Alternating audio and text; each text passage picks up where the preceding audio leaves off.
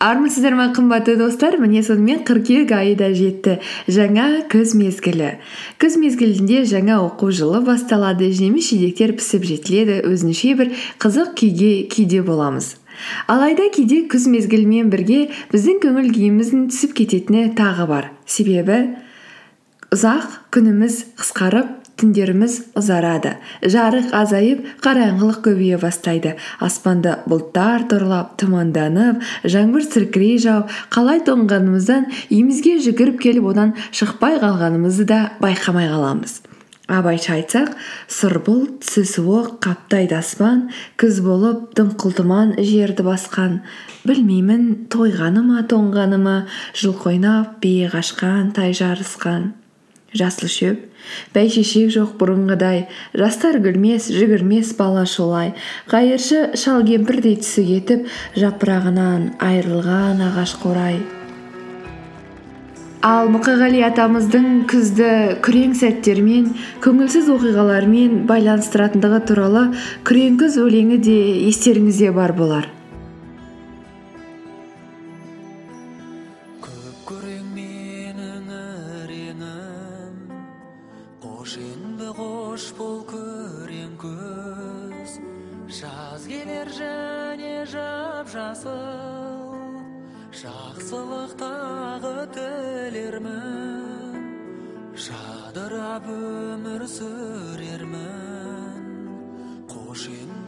Қош бол күрең күз қош енді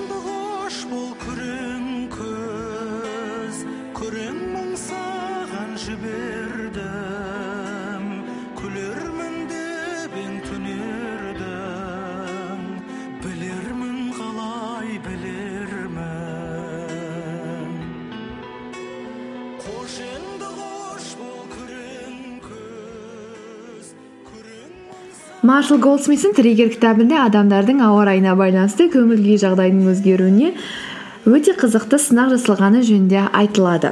Мәселен адамдардың олардың көңіл күйін сұраған кезде ауа райы жақсы болатын болса онда көп жағдайда жауап позитивті жақсы көңіл күйде болады.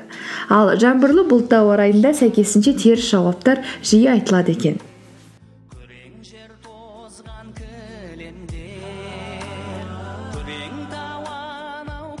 Талшын оның не онсыз да көңілсіз күзде көңілімді көтерейін деп сенің аудио подкастыңды ашып қалсам сен де маған онсыз да көңілсіз күздің көңілсіз жақтарын айтып басымды ауыртқаның не деп айтқан боларсыз.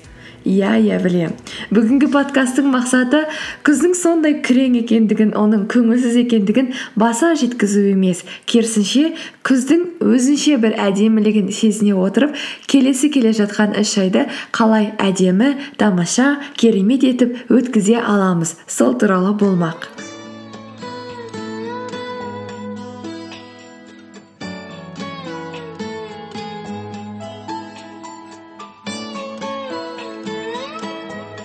Ең алдымен бұрынғы көп айтатын ерте тұру деген челленджімізді күзде қайтадан өмірімізге алып келсек қалай қарайсыздар? Себебі күзден артық тамаша кезде жоқ сияқты. Өйткені бізде күн қысқарып түн ұзарып келе жатыр. Яғни біз жарықты көру мүмкіндігіміз күннен күнге азаюда. Ал біз кеш тұру арқылы сол мүмкіндігімізден айырыламыз. Ерте тұру арқылы көбірек жарықты көреміз сезінеміз және көбірек әрекет ете аламыз. Сонымен қатар таңертең ерте тұрып жарықта жарты сағат болсын жүрсек біздің денемізде жақсы гормондар да бөліне бастайды. Көбінесе осы мезетте көбірек қараңғыда өмір сүргендіктен жарықтың азаюына байланысты көптеген адамдарда маусымдық ауытқулар болады. Ол әрине ауытқулар деген кезде белгілі бір мидағы болатын түрлі жаман аурулар емес. Ыыы көбінесе күз және қыс айларында көңіл күйіміздің сәл пәл түсетінін бәсең болатынымыз ақырындап ақырын қозғалып ақырын ойлайтындығымызды байқаған боларсыз. Егер сізде ол болмаса менде болып тұрады. Сондықтан күз мезгілінде көбірек жарықты көріп көбірек сыртта болу арқылы біз өзіміздің депрессияға ұшырау мүмкіндігімізді өте азайтамыз және де өзімізге бір пайдалы іс істейміз. Ал біздің бірінші пунктіміз табиғи түрде екінші пунктімізге алып келеді. Әрине ерте тұру үшін біз ең алдымен өзіміздің ұйқы режимімізді реттеуіміз керек. Күздің келуіне байланысты ұзақ күннің азаюына байланысты біздің денемізде ұйқы гормоны мелатонин көп бөліне бастайды. Нәтижесінде біз күннің ішінде көбіне шаршаңқы бәсеңкі боламыз. Себебі көбірек гормондар мелатонин бөлінеді. Ал соған байланысты біз кофе түрлі заттарды ішеміз де ал керісінше түнде тынышсыз мазасыз түндер көбірек болады. Сондықтан осының барлығын реттеп табиғи түрге келтіру үшін көбірек өзімізді бәлкім басында дисциплинамен дәл уақытында ұйықтауға дәл уақытында тұруға үйрету керек боламыз бұндай сәттерде сіздің өзіңіздің өзіңіздің үстіңізден қарап тұратын мықты дисциплинаңыздың керек екендігі рас. Сондықтан ұйқымызды жөндейік. Сапалы ұйқы бәрінің негізі.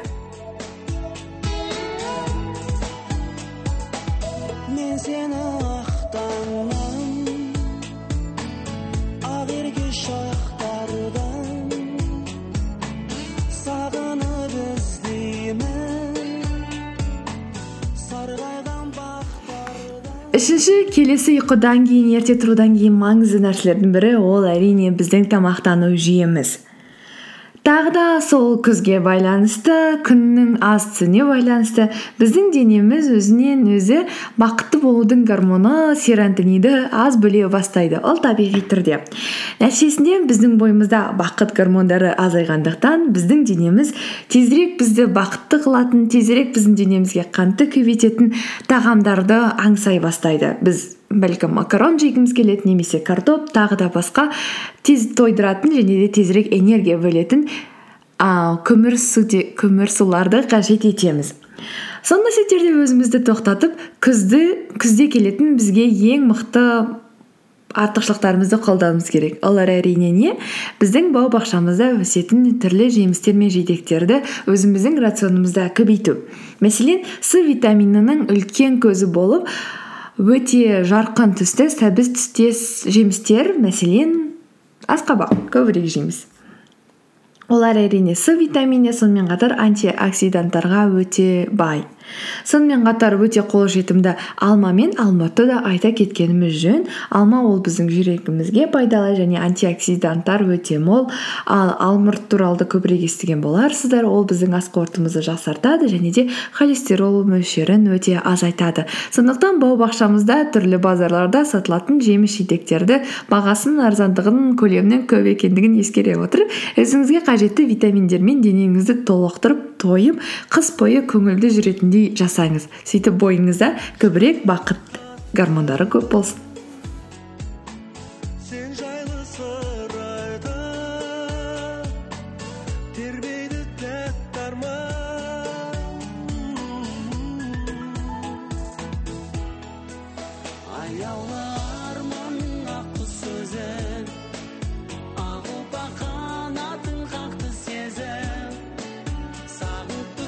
Келесі пунктіміз меніңше өте қызықты және де пайдалы болады деп ойлаймын. Себебі күз әрине көңілсіз деп күрең күз деп айтып жатсақ та күз кезінде жапырақтардың түрлі түстерге боянып әлемді қалай құбылтатынын өздеріңіз де білесіздер көріп жүрсіздер сүйсінесіздер суреттерден көресіздер.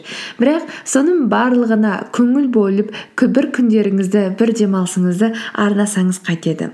Достарыңызбен бірге табиғатқа шығыңыз тауға пикникке немесе тіпті демалыс саябағына барсаңыз да болады. Ол жерде мәселен күзгі фотосессия жасаңыз күндер өтеді сәттер ұмытылады уақыттар өз өзімен жүріп жатады.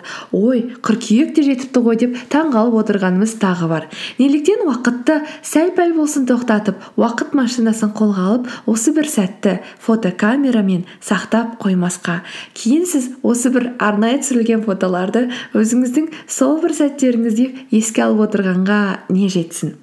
Сонымен қатар егер де орман немесе жақын маңда бау бақшаңыз болса онда күзгі алмаларды барлығын теріп оларды өз қолыңызбен жинап одан кейін жегенге де не жетсін.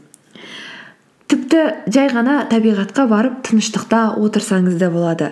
Тыныштықта өз өзіңізді тыңдап осы жылы не істегіңіз келгенін болашақта не істегіңіз келетіні туралы ойланыңыз. Өз өзіңізге ұрыспаңыз. Неге мынаны істемедім неге анаған жетпедім неге ол былай емес деп өз өзіңізді төмендетіп ұрса берудің де қажеті жоқ. Керісінше жай ғана өзімізді қабылдап өз өзімізді тыңдап көрейік. Сонымен қатар сол жерге барып кітап оқуға немесе түрлі шығармашылықпен де айналысуға болады. Ой қайдағы шығармашылық? Талшын маған оның не керегі бар? деп ойламаңыз. Кейде жүрегімізге жанымызға өзіне еркіндік беріп оның өзіне сөйлетуге өзіне ерік бергенге не жетсін? Сондықтан табиғаттың әдемі түстерін күздің түрлі бояуларын сүйсініп көріп тамашалағанға не жетсін?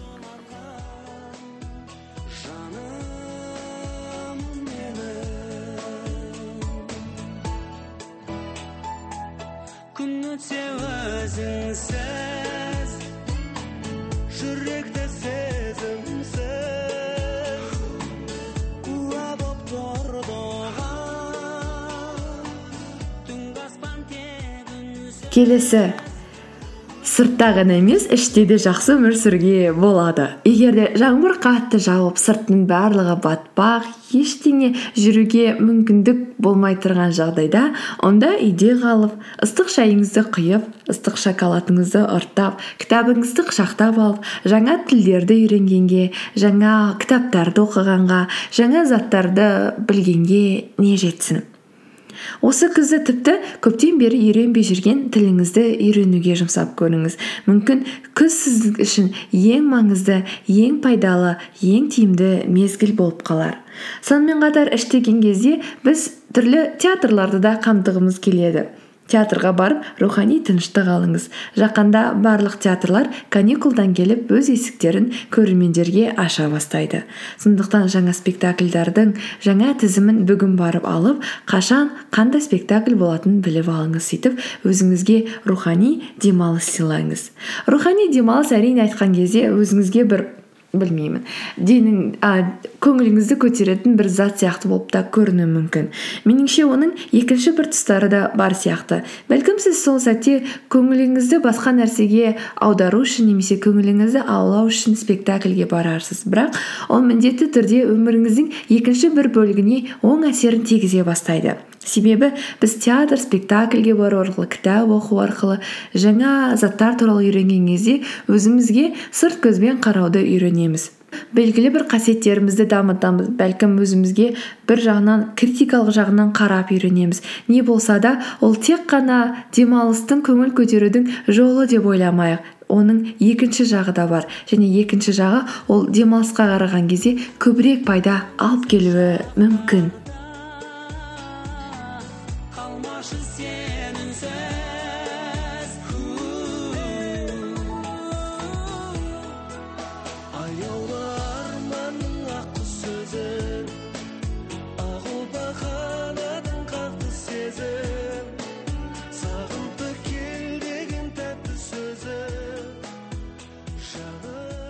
Келесі пунктіміз ол әрине жоспарлар туралы болмақ.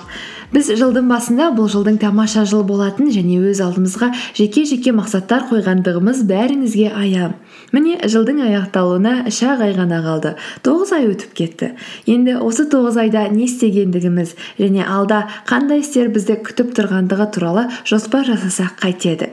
Бәлкім тоғыз айда жасамаған істі енді біз жарықтың жылдамдығыдай ракетадай барлық күш жігерімізді ынтамызды сала отырып жетіп көрсек қайтеді. Соған арналған ең тамаша ең керемет жоспарды дәл қазір сіз жазып тастасаңыз қайтеді. Өзіміздің кемшіліктерімізді тоғыз ай бойы не үшін осы істемегендігіміз туралы ойланайық. Ал жеткен жетістігімізді не үшін жеткендігімізге қарай қандай қасиеттеріміз оған бізге көмек бергендігі туралы ойланайық зер салайық және талдайық. Сөйтіп үш айлық тамаша жоспар жасап 2018-де қандай жоспарлар бізде болу керектігі туралы қазірден бастап ойлана бастайық.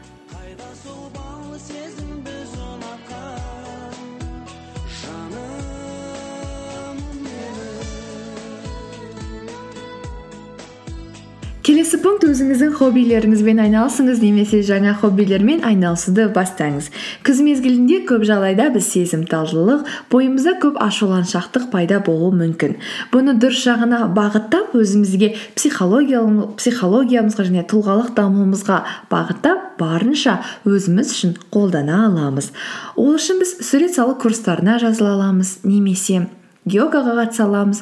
Сонымен қатар түрлі басқа да шығармашылық дамуымызға себеп болатын хоббилермен айналыса аламыз. Егер де сурет салу курсына жазылу мүмкіндігі болмаса онда жай ғана қарапайым альбом өзіңіз қалаған жаныңыз қалаған түстерді алыңыз да қағаз бетіне қыл қаламмен ойыңызға келгенді не сезінгеніңізді түсіріп көріңіз.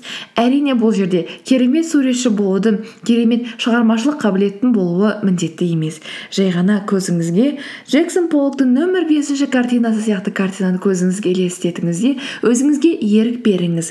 Өзіңіздің жүрегіңіз бен жаныңызға еркіндік беріңіз. Сурет салыңыз түрлі йога курстарына барып көріңіз тілді үйреніңіз спортпен айналысыңыз. Өзіңіз қалаған өзіңіз өмір бойы армандаған хоббиді мүмкін осы күзде бастарсыз.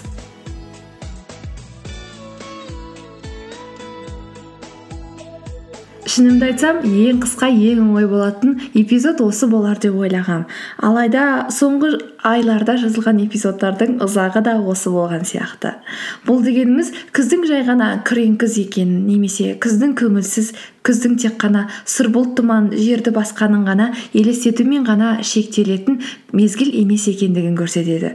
Күз сондай ерекше күз сондай жан жақты күз сондай әртүрлі. Сол әртүрлікті қолданып өміріңізге де әртүрлілікті енгізіп көріңіз. Күніңіз жайдарлы күн болмаса да жүрегіңіз жайдарлы жаныңыз сұлу және де әрқашан күндей жарқырап тұрсын. Келесі эпизодта кездескенше.